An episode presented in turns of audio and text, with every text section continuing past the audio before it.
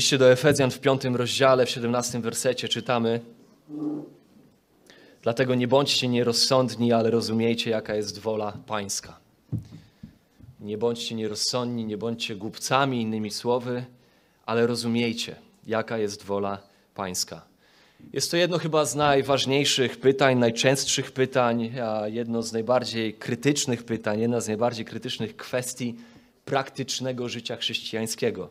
Czyli jak odkrywać, jak poznawać i jak postępować według woli Bożej. Jak poznać wolę Bożą? Każdy chrześcijanin, każdy Boży człowiek, chyba naturalne jest to, że to pytanie zadaje, e, szuka odpowiedzi na to pytanie, dlatego że ma pragnienie w sercu, by Bogu się podobać, by żyć zgodnie z Jego wolą, też, też poniekąd, żeby czuć się bezpiecznie w podejmowanych przez siebie decyzjach, bo chcielibyśmy umieć podejmować decyzje, które są zgodne z Bożą wolą, bo to daje nam poczucie bezpieczeństwa. Na jakie studia pójść, jaką pracę podjąć, co robić na wakacje, jak wykorzystać swój urlop, gdzie mieszkać. Czy się ożenić, czy wyjść za mąż? Jeżeli tak, to z kim? Kiedy? Czy mieć dzieci? Kiedy mieć dzieci? Ile mieć dzieci? Czy kupić mieszkanie? Czy coś wynajmować? Czy wziąć kredyt? Kiedy wziąć kredyt? W jakim kościele być? Ile pieniędzy dawać w ofierze? Jak dawać? Komu dawać? Kogo wspierać? Czy powinienem porzucić swoją świecką pracę i zostać misjonarzem? A może nauczycielem w kościele, diakonem, starszym? Pytań jest mnóstwo, którymi cały czas nieustannie stawiamy czoła i chcemy wiedzieć, jak odkryć, jak poznać i jak postępować zgodnie z wolą Bożą. Patrząc na wszystko, co mogę robić, gdzie mógłbym być, jak mogę wiedzieć w tym wszystkim, czego Bóg ode mnie chce, czego Bóg chce dla mojego życia. Jakże często w tej kluczowej kwestii naszego życia, w wyniku poszukiwania Bożej woli dla naszego życia, pojawia się niepewność, niepokój, frustracja, konfuzja, zakłopotanie, niezdecydowanie, bo Bóg wydaje się nie udzielać nam odpowiedzi na pytania, które zadajemy. Boże, mam opcję A, B, C. Powiedz mi, która jest właściwa, które miasto jest właściwe, która osoba jest właściwa. Bóg wydaje się nic nie mówić. Zastanawiamy się, że skoro Bóg ma dobry plan dla mojego życia, to czemu mi go nie zdradza? Czemu nie daje jasnych odpowiedzi? Więc to jest bardzo istotne pytanie.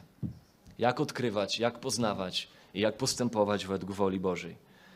Jest to nie tylko jeden z najbardziej kluczowych aspektów praktycznego chrześcijańskiego życia, ale jest to też jeden z najbardziej zdeformowanych aspektów chrześcijańskiego życia, zwłaszcza biorąc pod uwagę współczesne chrześcijaństwo, współczesny Kościół. Odkrywanie, poznawanie i postępowanie według woli Bożej jest tym aspektem chrześcijańskiego życia, w którym totalnie wydaje się, że jest jakiś deficyt jest brak biblijnego myślenia i zrozumienia tej kwestii. Zdecydowana większość współczesnego chrześcijaństwa, polskiego chrześcijaństwa, mogę mówić o polskim chrześcijaństwie, jest zdominowana takim myśleniem o odkrywaniu, poznawaniu i postępowaniu według woli Bożej, które jest dużo bardziej pogańskie niż chrześcijańskie. I nawet sobie nie zdajemy z tego sprawy. Poszukiwanie i odkrywanie Bożej woli pojmowane jest w kategoriach doszukiwania się pewnego rodzaju znaków na zewnątrz, zewnętrznych znaków, które mogłyby mi Bożą wolę objawić dla mojego życia i poszukiwania wewnętrznego pokoju, no właśnie wewnątrz. Na tym zazwyczaj opiera się poszukiwanie i poznawanie Bożej woli.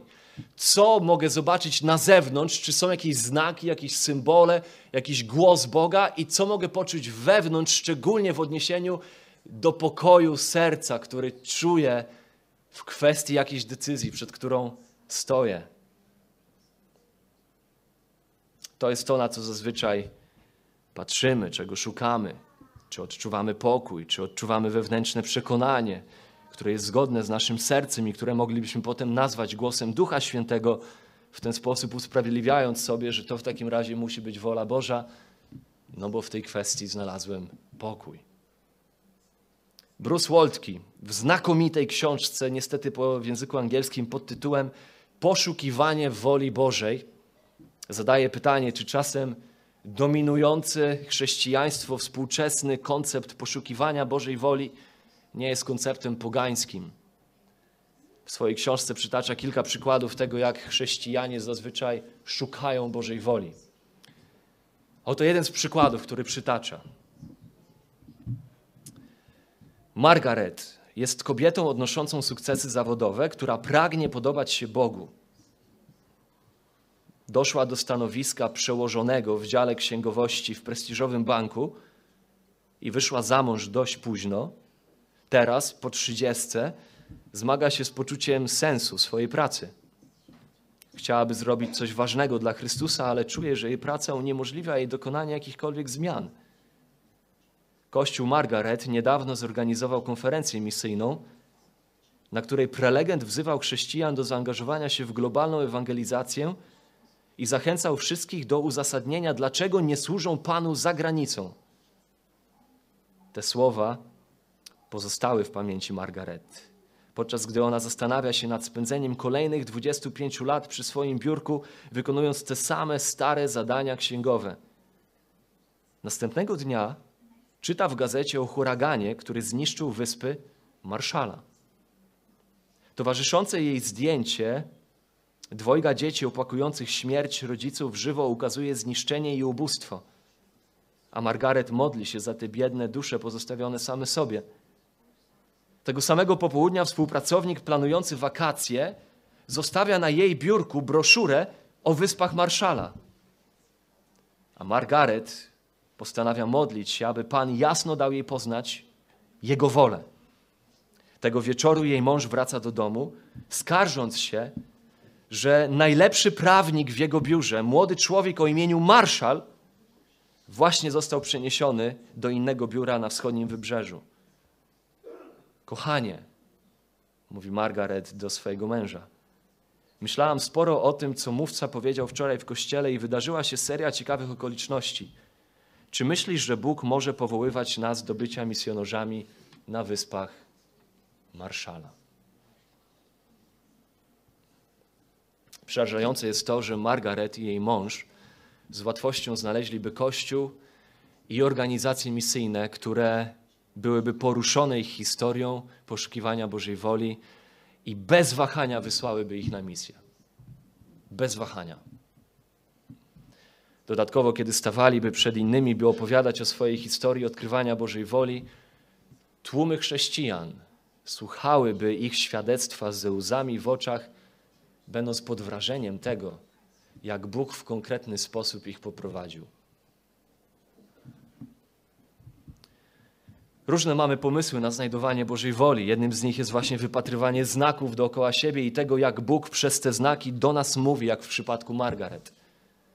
Albo żeby modlić się, modlić się w sposób starający się opróżnić swój umysł, opustoszyć swój umysł, żeby w ciszy i w skupieniu, w medytacji czekać na głos Boga, który by przemówił do naszego serca i dał nam pokój co do decyzji, jaką mamy podjąć lub spróbować otworzyć Biblię, żeby Bóg przez swoje słowo do nas przemówił, ale w taki sposób, żeby przemówił w jakimś konkretnym miejscu Biblii, tak żebyśmy ufali Mu, że Bóg przez swoje słowo da nam odpowiedź, jak w przypadku kobiety, która zastanawiała się, jak najlepiej wykorzystać pieniądze, które przez lata zaoszczędziła, czy na przykład zainwestować te pieniądze w pomysł młodego człowieka, brata w Chrystusie z jej kościoła, który ma pomysł na rozwinięcie firmy, czy też może wykorzystać te pieniądze na sfinansowanie programu edukacji dzieci z ubogich środowisk, o którym niedawno ktoś też w jej kościele mówił. W takim razie ona pewnego dnia siada na swoim ulubionym fotelu z ulubionym kubkiem kawy w ręku, Biblią na kolanach, prosząc Boga: pokaż mi, pokaż mi w swoim słowie, co mam zrobić. Następnie otwiera Biblię na dowolnym, na pierwszym, lepszym fragmencie, który akurat okazuje się mówić, lecz Jezus rzekł: Zostawcie dzieci w spokoju, nie zabraniajcie im przychodzić do mnie, albowiem do takich należy Królestwo Niebios. Po czym jest przekonana, że to jest właśnie Boża wola dla jej życia, decyduje się wysłać swoje oszczędności na wspomniany program pomocy dzieci z biednych środowisk.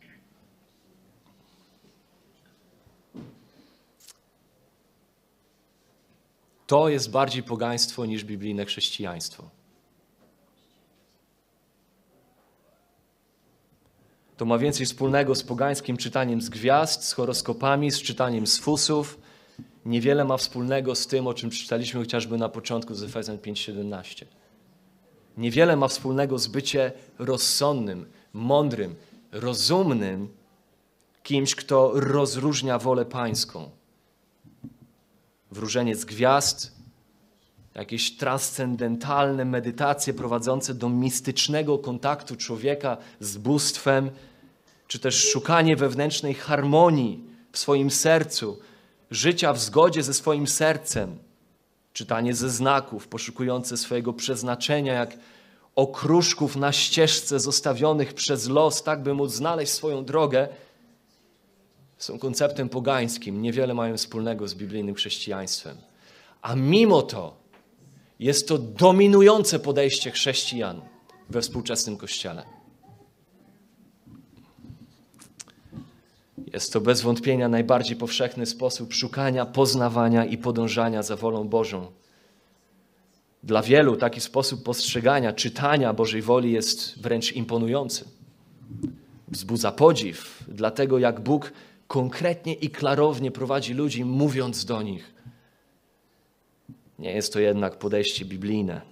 Jest to zdeformowane pojmowanie nie tylko Bożej woli, ale zdeformowane pojmowanie samego Boga. I moją modlitwą i pragnieniem jest, byśmy dzisiaj mogli, patrząc na Słowo Boże, wyjść stąd ze zrozumieniem konceptu Bożej woli, tak jak Bóg sam ten koncept objawia swojemu ludowi. I tym samym, żebyśmy mogli mieć pewniejszą odpowiedź na pytanie, jak ja mogę szukać, czy odkrywać, poznawać i postępować według woli Bożej. Boża wola w ogóle jako termin już samo w sobie jest jednym z najbardziej niezrozumiałych słów chrześcijańskich, fraz chrześcijańskich. Czasami o Bożej woli mówimy, mając na myśli różne rzeczy. Więc spójrzmy dzisiaj na to słowo pod dwoma nagłówkami. Chciałbym, żebyśmy spojrzeli na suwerenną wolę Bożą, której mamy ufać, i na moralną wolę Bożą, której mamy być posłuszni. Pod tymi dwoma nagłówkami dzisiaj spojrzymy naprawdę o odkrywaniu, poznawaniu i postępowaniu według Bożej woli. Musimy zrozumieć więc dwa aspekty Bożej woli.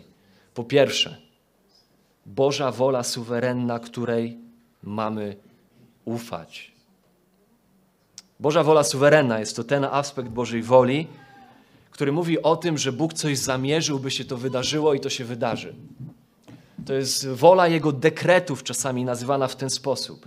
To jest coś, co Bóg zamierzył, zaplanował, co jest Jego wolą, jest Jego zamysłem i bez względu na wszystko i wszystkich, bez względu na cokolwiek, to się wydarzy, to się spełni. Co Bóg zamyśli, to spełnia się. Co Bóg zaplanuje, zrealizuje się. Efezjan, pierwszy rozdział, jedenasty werset. Tam czytamy, że On jest tym, który według postanowienia swego sprawuje wszystko według zamysłu woli swojej. Wszystko sprawuje według zamysłu swojej woli. To jest Boża wola suwerenna. To jest ten aspekt Jego woli, że kiedy Bóg czegoś chce, On to dostaje. To się dzieje, to się realizuje.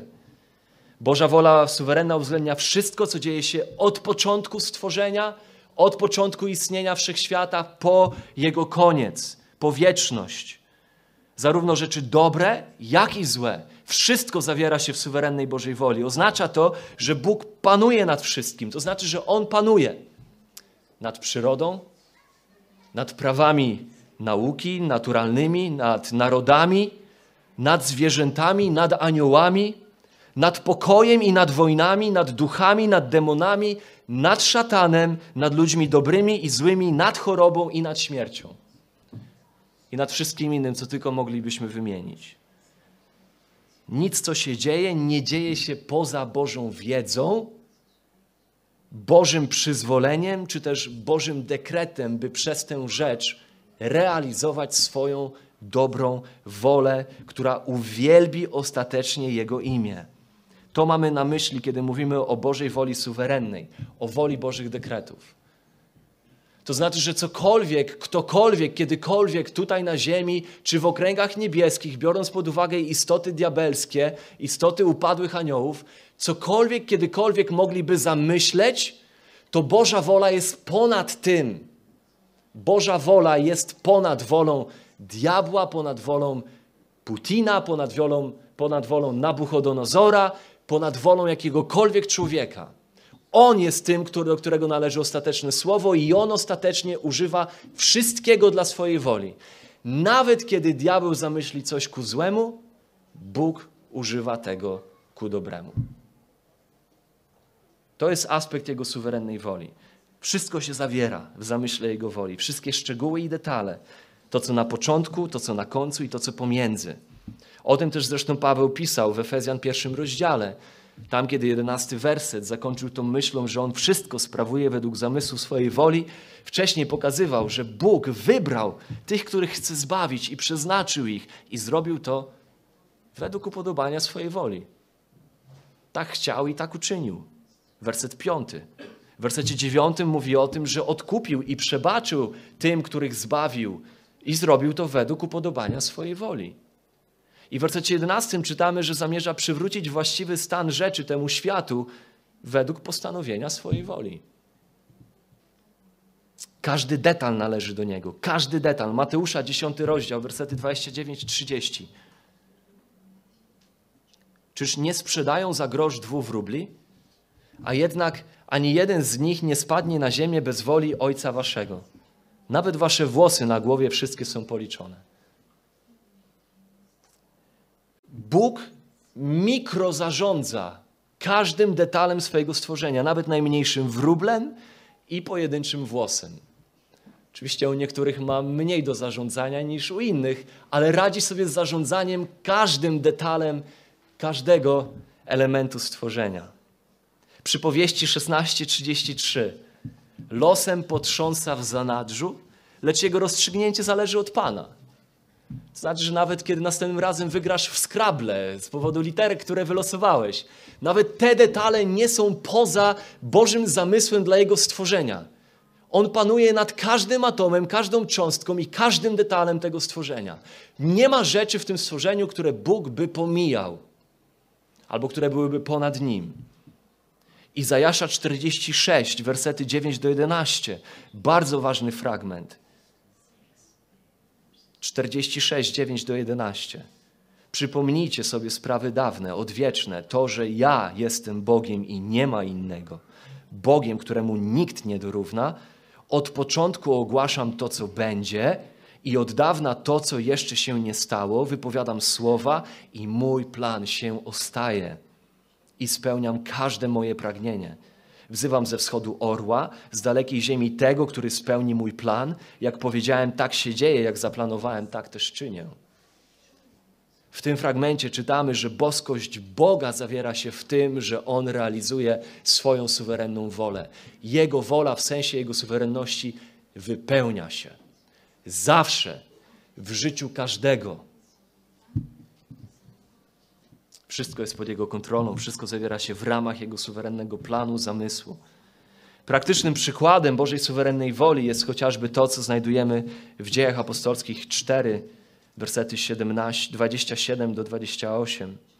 Dzieje 4, 27, 28.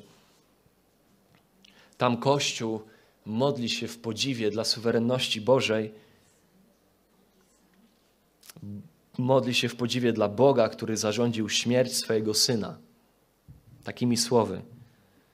Zeszli się bowiem naprawdę w tym miejscu przeciwko świętemu słudze Twojemu Jezusowi, którego namaściłeś, zeszli się Herod i Poncjusz Piłat z poganami i plemionami Izraela, aby uczynić wszystko, co Twoja ręka i Twoje postanowienie już wcześniej ustaliły, że ma się stać.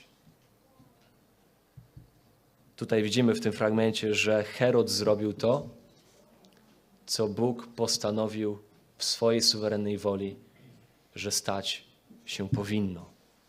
Piłat zrobił to, co Bóg zamierzył w swoim planie. krzyczący tłum, o którym jest tutaj mowa, krzyczący tłum, ukrzyżuj go, ukrzyżuj go, daj nam Barabasza. Zrobił to, co Bóg zamierzył w swoim planie. Jego wola wypełniła się i tak dalej, i tak dalej. I wszystko to, co wydarzyło się o dziewiątej rano w piątkowy wieczór, wtedy na wzgórzu Golgoty w Jerozolimie, wydarzyło się w ramach suwerennej woli Bożej. To nie jest tak, że te rzeczy się wydarzyły, a potem Bóg się głowił, co z tym zrobić i jak to ewentualnie wykorzystać ku czemuś dobremu. Jednocześnie wszystkie te rzeczy, które się wydarzyły wtedy tam w Jerozolimie, były grzechem. Każda z nich. Fałszywe oskarżenie Jezusa było grzechem. Wyszydzanie Syna Bożego było grzechem. Biczowanie Jezusa, ukrzyżowanie Jezusa, wszystko to było grzechem, a jednak zawierało się w suwerennym planie i woli Bożej. Oczywiście to jest temat na kiedy indziej, bardzo rozległy. Jak to jest, że Bóg w swojej suwerennej woli uwzględnia nawet grzechy tego świata, a jednocześnie też pociąga tych, którzy tych grzechów się dopuszczają do odpowiedzialności, tak jakby to było w pełni ich odpowiedzialnością, bo w istocie jest. Jest to prawda, która wielu oburza, że Boża wola mogłaby też uwzględniać grzech. A jednak tak jest. Jeśli Bóg nie byłby w stanie, jeżeli Bóg nie byłby w stanie zaplanować, uwzględnić w swojej odwiecznej woli chociażby takiego grzechu jak zamordowanie Jego Syna, to musimy być świadomi, że nie byłoby dla nas zbawienia. To nie jest przecież tak, że właśnie Jezus wylądował na krzyżu, umarł, a Bóg wtedy powiedział: Nie wiedziałem, że tak się sprawy potoczą, nie mogłem tego przewidzieć. W tym momencie Piłat, Herod i tłum okazali się mocniejsi ode mnie. Teraz muszę coś wymyśleć w związku z tym, jak ja mogę tę rzecz wykorzystać ku czemuś dobremu, a zbawię ludzi. Bóg zaplanował przed założeniem świata, by zbawić grzeszników, a jego plan zbawienia grzeszników nie mógł się zrealizować, jeśli by nie uwzględniał grzechu. Grzechu tłumu, grzechu Heroda, grzechu Piłata. Nie ma możliwości zabicia Syna Bożego w sposób, który nie byłby grzechem. Boża wola musiała uwzględniać też i grzech. Tak więc w tym sensie wola Boża oznacza wszystko, co dochodzi do skutku, wszystko, co ma miejsce w tym świecie, wszystko, co miało miejsce już w Twoim życiu i co będzie miało miejsce w Twoim życiu. Wszystko dzieje się według tego, który sprawuje wszystko według zamysłu woli swojej. Efezjan 5:17. Może nas to oburzać, ale kiedy? Kiedy Boże dziecko przyjmuje tę prawdę za fakt, chwyta się tej prawdy ufnością Bożej suwerenności, to nagle rozumie, że w każdym cierpieniu, w każdym lamencie, w każdej agonii wystarczy chociażby spojrzeć na krzyż. Bo tam, właśnie na krzyżu, wyraźniej niż gdziekolwiek indziej, widzimy z jednej strony Boże obrzydzenie grzechem, a jednocześnie widzimy Jego suwerenność wykorzystującą to, co najobrzydliwsze w historii Jego stworzenia, ku temu, co najpiękniejsze. I najobrzydliwszy akt historii ludzkości staje się najwyraźniejszym aktem Bożej chwały, łaski i dobroci. Bardzo często tę prawdę powtarzamy tutaj i ona jest tak ważna. To jest wspaniała nowina o suwerenności Bożej. Bóg w swojej niezawisłości używa, przyzwala, wykorzystuje każdy szczegół historii i historii Twojego życia, tej ogólnej i Twojej szczególnej, by realizować ostatecznie swoje dobre zamiary, by wszystko w ostatecznym rozrachunku wywyższyło Jego chwałę, Jego dobroć, Jego sprawiedliwość i Jego świętość. Nic nie jest w stanie zniweczyć Jego woli. Nie ma takiej decyzji, którą byś mógł podjąć, która by nie była Bożą wolą i byś wypadł z Bożej woli na resztę życia. W sensie Jego suwerennej woli. Nawet, nawet Twoje błędne decyzje nie są w stanie jej zniweczyć. Ten rodzaj Bożej woli nazywamy też wolą ukrytą. Ten aspekt Bożej woli jego suwerennych dekretów, odwiecznych dekretów, Jego planów. Nazywamy też wolą ukrytą, dlatego że dotyczy ten aspekt w pewnym sensie naszego jutra. On dotyczy rzeczy niewiadomych dla nas. I co ciekawe, Bóg nigdzie nie wzywa nas w swoim słowie do tego, byśmy odkrywali aspekt Jego odwiecznych zamysłów dla każdego szczegółu Jego stworzenia. On wzywa nas do ufania Jego suwerennej woli. Nie posłuszeństwa Jego suwerennej woli, ale ufania temu, że oto ja jestem Bogiem nad Twoim życiem, nad Twoją codziennością, nad każdym detalem. Ty nie musisz wszystkiego znać, nie musisz wszystkiego wiedzieć. To, co masz wiedzieć, to to, że ja jestem Bogiem. Ufaj mi. I to jest wola Boża, którą nazywamy wolą ukrytą. Bóg nie ujawnia nam szczegółów naszego życia, dopóki one nie nastąpią. Weźmy na przykład 1 Piotra 3,17. 1 Piotra 3,17. Tam Piotr pisze: Lepiej bowiem jest, jeżeli taka jest wola Boża, jeżeli taka jest wola Boża, bo w tym sensie Piotr nie wie, jaka jest wola Boża. I nie musi nawet wiedzieć. Po prostu mówi, lepiej bowiem, jeżeli taka jest wola Boża, cierpieć za dobre niż za złe uczynki. On wzywa tam tych wierzących, którzy byli wystawieni na różnego rodzaju przeciwności, prześladowania, próbuje ich zachęcić, by oni się nie poddawali, by byli mocni w Panu, by byli gotowi na cierpienie, by trwali w sprawiedliwości, w życiu, w prawym życiu, nawet jeżeli ta prawość ich życia mogłaby sprowadzić na nich niebłogosławieństwo ze strony niewierzących ludzi, ze strony świata, ale jeżeli ich prawość miałaby sprowadzić przykre konsekwencje. Mówi, nie, nie wiemy, jaka jest wola Boża. Wiemy, że mamy żyć praw, sprawiedliwie, mamy żyć w prawości. A czy to przyniesie przyjemne konsekwencje, czy nieprzyjemne konsekwencje? Nie wiemy. Nie wiemy, jaka jest wola Boża. Ufajmy Mu, cokolwiek będzie.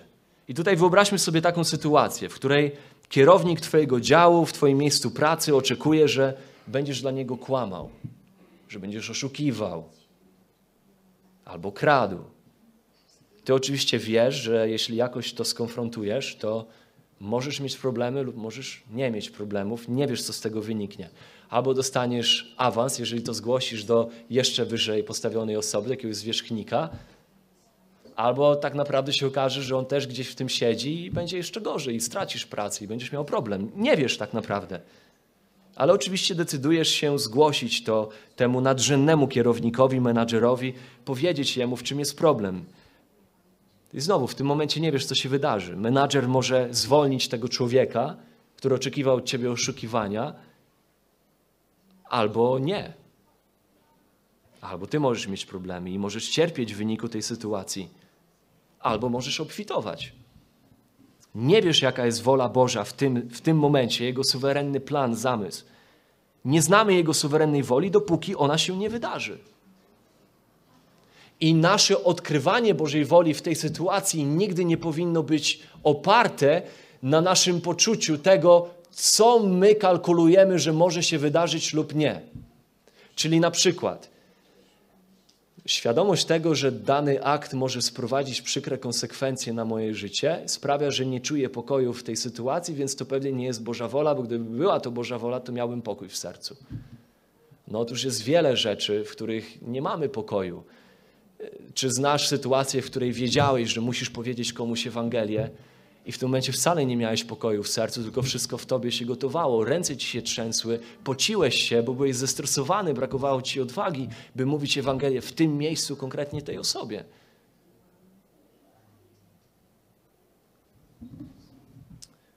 Więc wola suwerenna, nazywamy ją często wolą ukrytą, dlatego że my po prostu nie wiemy. My jej po prostu ufamy, zostawiamy Bogu detale naszego życia.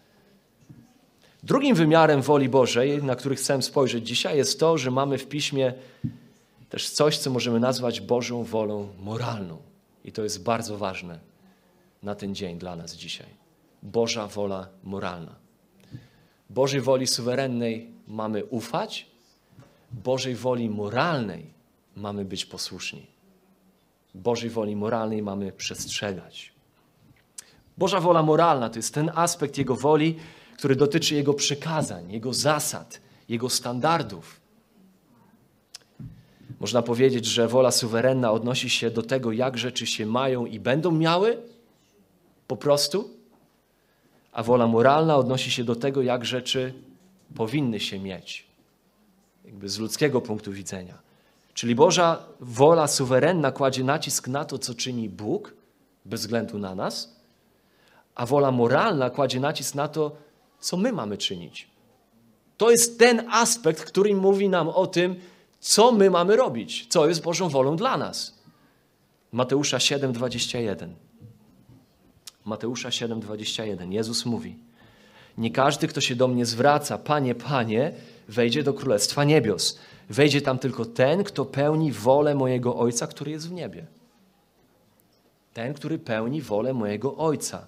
Oczywiście to, co Jezus ma na myśli tutaj, to nie suwerenną wolę Ojca, Jego odwieczne zamysły i plany dla tego świata, jak i dla życia każdej poszczególnej osoby, ale to, co ma tutaj na myśli, to to, że Bóg określił, co jest dobre i co jest złe, co jest właściwe, a co nie, czego wolno, a czego nie wolno, tego nie ukrył, to określił, zadeklarował. W tym sensie jedni wypełniają wolę Bożą, a inni nie.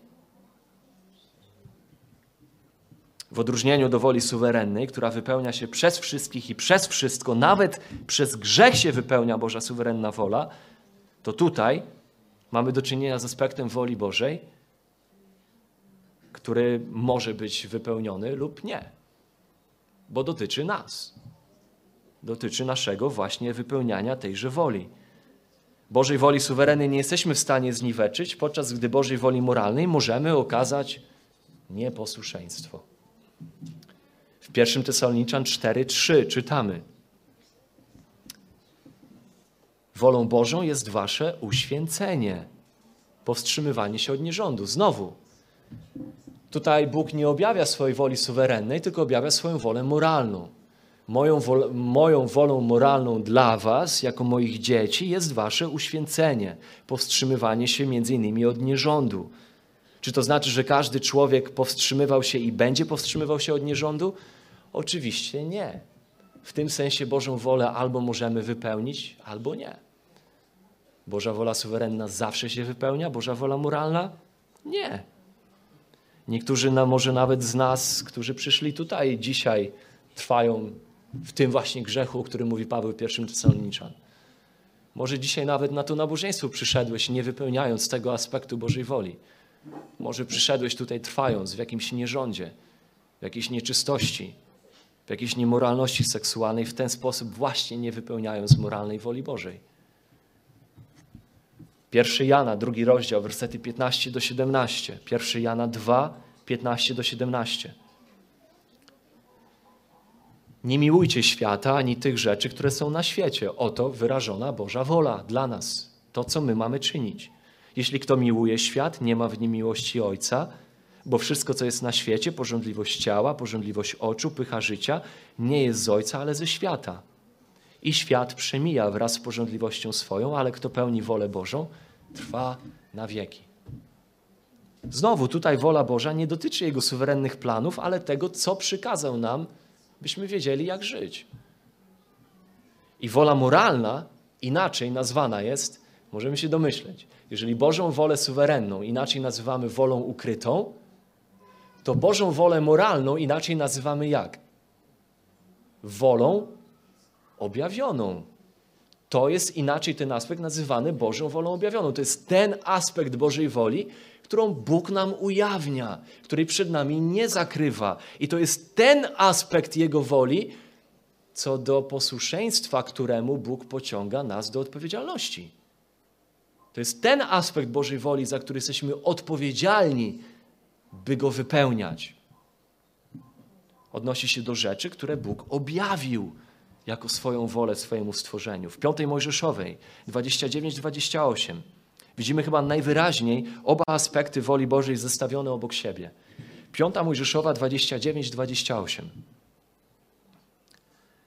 To, co jest zakryte, należy do Pana, Boga naszego a co jest jawne, do nas i do naszych synów po wieczne czasy, abyśmy wypełniali wszystkie słowa tego zakonu.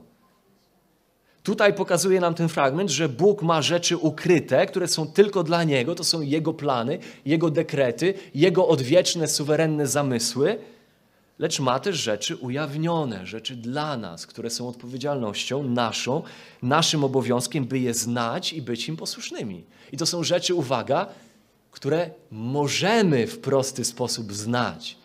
To nie są rzeczy, które należą do sfery jakiegoś ezoterycznego poszukiwania w znakach, w jakimś głosie przemawiającym do naszego wnętrza. Ale to są rzeczy, które my mamy obowiązek znać, bo Bóg o nich powiedział. I my mamy obowiązek je odkrywać, być rozumnymi w, ich, w tym sensie, by wiedzieć, co jest wolą Pańską. To są rzeczy jawne dla nas, które mamy obowiązek znać i być im posłusznymi, i to są te rzeczy, które są Jego przykazaniami, Jego słowem. Bóg jako ojciec, jako odkupiciel, jako nauczyciel, który kocha swoje dzieci, nie ma upodobania w oczekiwaniu od nas rzeczy, które następnie przed nami ukrywa, oczekując, byśmy my bawili się z nim jakoby wchowanego. Bóg nie jest takim cwaniakiem, ulicznym cwaniakiem, który chowa swoją wolę przed nami w jednym z trzech kubeczków. Jest takim cwaniakiem, który potrafi tak zamieszać tymi kubeczkami, żebyśmy my potem mieli jak największą trudność, żeby odkryć, pod którym kubeczkiem chowa się Jego wola. Ale tak jest nasze pojmowanie Boga. Bardzo często we współczesnym chrześcijaństwie, zdeformowane pojmowanie Boga. Bóg nie jest tym, który chowa jajeczka po podwórku życia, żeby potem mieć ubaw z tego, jak my próbujemy je znaleźć, je odszukać. Bóg przecież jest ukazany jako ten, który umiłował nas. I to do tego stopnia, że posłał swojego syna, aby ten umarł na krzyżu za nasze grzechy, dla naszego zbawienia, by spłacić dług, karę, które należały do nas. Czy to, że Bóg miałby bawić się z nami w jakieś gierki chowania swojej woli przed swoimi dziećmi, ma jakikolwiek sens? Czy to w ogóle jest logiczne, by Bóg miał oczekiwać wobec życia swoich dzieci czegoś, lecz potem ukrywałby to? Tak, by utrudniać swoim dzieciom realizowanie tego, czego On od nich oczekuje, dla realizowania Jego celów i Jego dzieła przez nich. Boża wola dla naszego życia to nie labirynt w polu kukurydzy, gdzie jest tylko jedno wyjście z tego labiryntu i wiele ślepych zaułków i jeżeli podejmę niewłaściwą decyzję, no to znajdę się poza Bożą wolą i już po prostu będę w ślepym zaułku przez resztę życia, bo wypadłem z Bożej woli. Otóż, kochani, nie da się wypaść z Bożej woli. Nie da się wypaść z Bożej woli. Boża wola w naszym życiu się będzie wypełniać. Możemy być nieposłuszni Jego woli, tej moralnej, którą określił, którą ujawnił. Ale poszukiwanie Bożej woli to nasze codzienne poszukiwanie, ten praktyczny aspekt chrześcijańskiego życia, to nie szklana kula, którą trzeba odpowiednio potrząsać, aż pokażą się w niej odpowiedzi. Dlatego nie bądźcie nierozsądni, ale rozumiejcie, jaka jest wola Pańska. Odkrywanie Bożej woli jest kwestią rozumu, jest kwestią pojmowania tego, co Bóg powiedział, co określił, co ujawnił. Jest kwestią niebycia głupcem, który ignoruje to, co powiedział Bóg, poszukując rzeczy, których nigdy nie powiedział i które nigdy nie były Jego wezwaniem, byśmy byli im posłuszni. Woli suwerennej mamy ufać, woli moralnej mamy być posłuszni. Rzymian, 12 rozdział, wersety 1 i 2. Rzymian 12, 1, 2.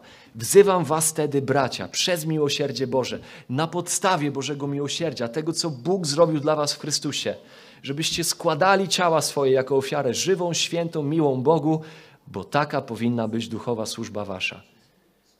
A nie upodabniajcie się do tego świata, ale się przemieńcie przez odnowienie umysłu waszego, żebyście właśnie odmieniając się waszym umyśle, żebyście umieli wtedy rozróżnić, co jest wolą Bożą, co jest dobre, miłe i doskonałe. Zauważcie, że tutaj odkrywanie Bożej woli, rozróżnianie Bożej woli nie jest kwestią właśnie jakiegoś ezoterycznego, mistycznego, subiektywnego poznawania Bożego prowadzenia nas w naszych osobistych decyzjach życia, w detalach tych decyzji, ale jest wezwaniem do przemiany umysłu. Jest wezwaniem do umysłu, który zamiast być oddanym myśleniu na wzór tego świata, zaczyna być żarliwy w kierunku myślenia według Boga, poznawania tego, co On powiedział na temat swojej woli i w ten sposób rozróżniania tego, co On ujawnił, że jest Jego wolą. To jest klucz do poznawania Bożej woli. Nie myśleć, jak myśli świat, jak myśli człowiek bez Boga, ale myśleć w sposób wypływający z oddania Bogu. Sposób wypływający z tego, że składamy swoje życie w ofierze Jemu. Sposób, który wypływa z przemienionego serca i umysłu.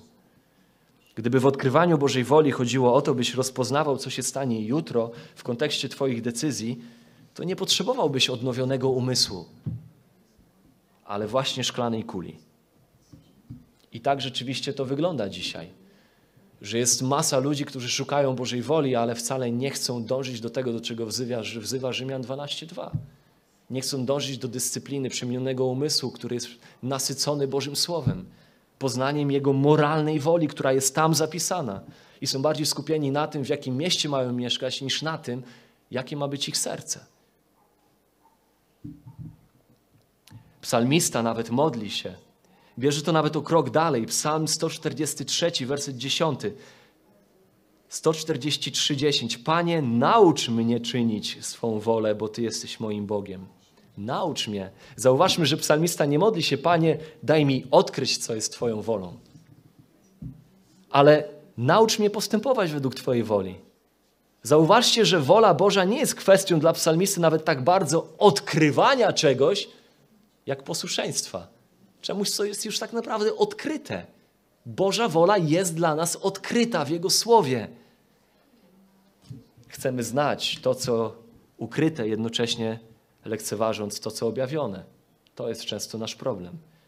Jakże często chcemy znać Bożą wolę ukrytą dotyczącą przyszłości czy różnych detali naszego życia, podczas gdy jawnie, jawnie postępujemy wbrew Jego woli objawionej tu i teraz.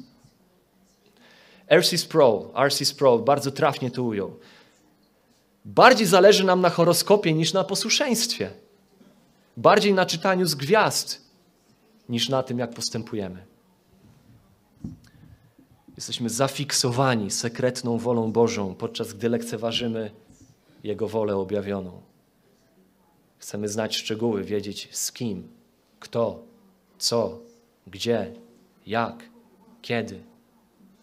Bardzo często jesteśmy sparaliżowani myślą, że jeżeli podejmiemy pracę w niewłaściwym miejscu, pojadę na niewłaściwe studia, ożenię się z niewłaściwą osobą, czy wyjdę za mąż, no to zostanie nam żyć poza wolą Bożą.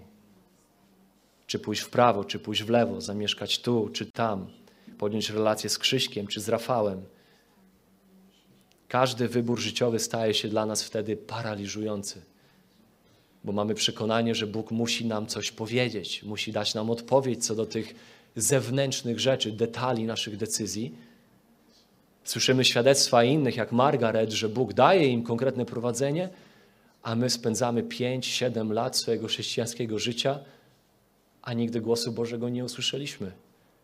Chmury na niebie też się nam znaki nie ułożyły i zaczynamy się zastanawiać, czy coś jest przypadkiem z nami nie tak.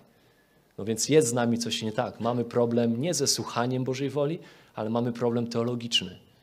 Mamy problem teologiczny, który źle rozumie Boga i Jego wolę dla Jego dzieci. I ciągle, ciągle czujemy napięcie. Mamy szczere pragnienie podobać się Panu i boimy się, że nasza decyzja wyrzuci nas z centrum Jego woli. Wygląda to mniej więcej tak, że powszechne zrozumienie Bożej woli definiuje ją jako konkretną ścieżkę, którą powinniśmy podążać. Że Bóg w naszym życiu wyznaczył jedną ścieżkę i na tej ścieżce stoi konkretna praca, konkretna osoba i konkretne rzeczy. Bóg oczywiście wie, jaka to jest ścieżka i oczekuje, byśmy my tą ścieżką szli.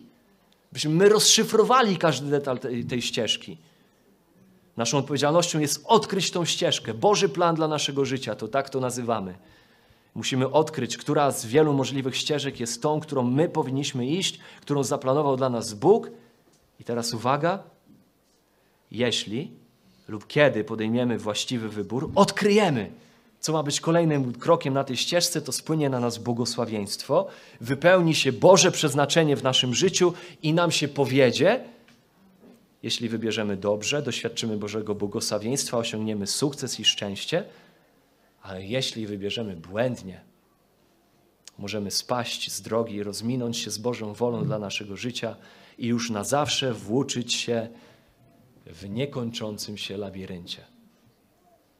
Takie pojmowanie Bożej woli jest niebiblijne, jest niewłaściwe, jest szkodliwe. Mamy ufać Bożej woli suwerennej i to jest dobre, i mamy być posłuszni Bożej woli objawionej i to jest dobre. Czekanie na znaki czy na głos od Boga w celu prowadzenia jest bałaganem w życiu chrześcijanina. Jest złe dla Twojego życia i niszczące dla Twojego uświęcenia. Bóg oczywiście ma plan dla całego naszego życia, lecz nie jest naszą odpowiedzialnością ani oczekiwaniem Bożym od nas, byśmy my ten plan rozszyfrowali, zanim podejmiemy decyzję. Nie mówię, że Bóg nie pomaga nam w podejmowaniu decyzji. Oczywiście, że pomaga. Tylko, że biblijnie nazywamy to mądrością. Nazywamy to po prostu mądrością.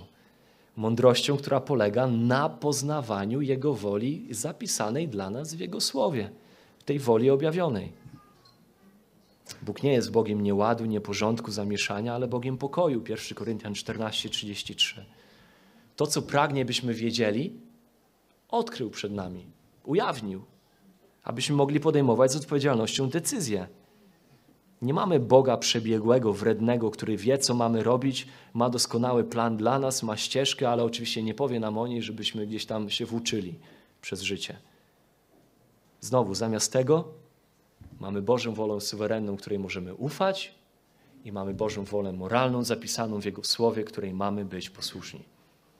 Kończąc, już bardzo praktycznie, to znaczy, że w naszych decyzjach nie jest istotne odkrywanie przez nas tego, jakie miasto, jaka osoba, jaka praca, jaka szkoła są wolą Bożą, ale raczej poznawanie, studiowanie tego, co Bóg objawił. Dużo ważniejsze niż odkrywanie tego, co Bóg chce, bym robił, jest to, jakim Bóg chce, bym był. Bo tego dotyczy Jego objawiona, odkryta przed nami moralna wola. Dużo ważniejsze jest to, kim ja jestem w przemienionym swoim umyśle i sercu, aniżeli zewnętrzne aspekty moich życiowych decyzji. Czy to będzie Poznań, czy Warszawa, czy to będzie stolarstwo, czy to będzie budownictwo. To są rzeczy kompletnie drugorzędne, trzeciorzędne, a nawet czwartoplanowe. Jakiekolwiek miasto wybierzesz, jakąkolwiek pracę podejmiesz, z kimkolwiek się zwiążesz i tak dalej to dużo ważniejsze jest to, byś zrobił to motywowany, będąc czystością moralną. Motywowany i przepełniony tym, co Bóg objawił, że powinno charakteryzować Twoje życie. Pragnieniem czystości, pragnieniem pobożności, wiernością teologiczną, radością w Panu, pełnią ducha, byciem zaangażowanym w życie Kościoła, wpuszczaniem innych w swoje życie, żeby szukać mądrości u nich, bo gdzie wielu doradców, tam mądrość żeby być motywowanym pragnieniem składania świadectwa, miłością, uwielbieniem, dążeniem do bycia z innymi i służenia innym. To są te rzeczy, które mają znaczenie. A potem rób co chcesz. Potem rób co chcesz. Czy to będzie jedno miasto, czy drugie. Jeżeli upewnisz się, że Twoje serce jest we właściwym miejscu, realizuje to, co Bóg objawił, że Ty powinieneś realizować, rób co chcesz bo jest ogromne prawdopodobieństwo, że to, co zrobisz, mając serce posłuszne temu, co Bóg objawił, to zrobisz coś, co będzie dobre, czego Bóg będzie używał, co będzie Jego wolą, bo Twoje serce będzie motywowane dobrymi rzeczami. Jak pisze Kevin DeYoung. Więc weź ślub z kimkolwiek. Byleby nie w obcym jarzmie, bo to oczywiście objawia pismo. I byle byście się lubili. On oczywiście upraszcza, tu są wiele innych aspektów, które Bóg objawił na temat tego, z kim mamy się wiązać. Ale to jest pewne uproszczenie. Podejmij się pracy, zakładając, że nie jest niemoralna. Zamieszkaj gdziekolwiek, z kimś lub bez kogoś. Po prostu porzuć bierność i poszukiwanie doskonałego spełnienia oraz perfekcjonizm i zafiksowanie przyszłością. I na litość boską zacznij podejmować jakieś decyzje. Nie czekaj na ciary na skórze. Nie szukaj, jeśli szukasz wpierw Królestwa Bożego i Jego sprawiedliwości, to będziesz w woli Bożej. Więc po prostu rusz się. Zacznij robić cokolwiek. Boża wola dla Twojego życia nie jest tak skomplikowana, jak o niej myślisz. Boża wola zawiera szukanie Bożego Królestwa, Jego sprawiedliwości. Boża wola dla Twojego życia zawiera Twoje uświęcenie. Boża wola dla Twojego życia zawiera miłość do Boga, zawiera chodzenie w pełni ducha, zawiera, zawiera śpiewanie w sercu dla Jego chwały. Boża wola dla Twojego życia zawiera uciekanie od wszeteczeństwa. Boża wola dla Twojego życia zawiera głoszenie Ewangelii tym, którzy są wokół Ciebie. Zawiera ona uwielbienie Boga, zawiera czynne służenie Jemu, bycie w społeczności z Jego Kościołem. Więc jeżeli chcesz postępować według woli Bożej, to zabiegaj po prostu o to, by dążyć do świętości.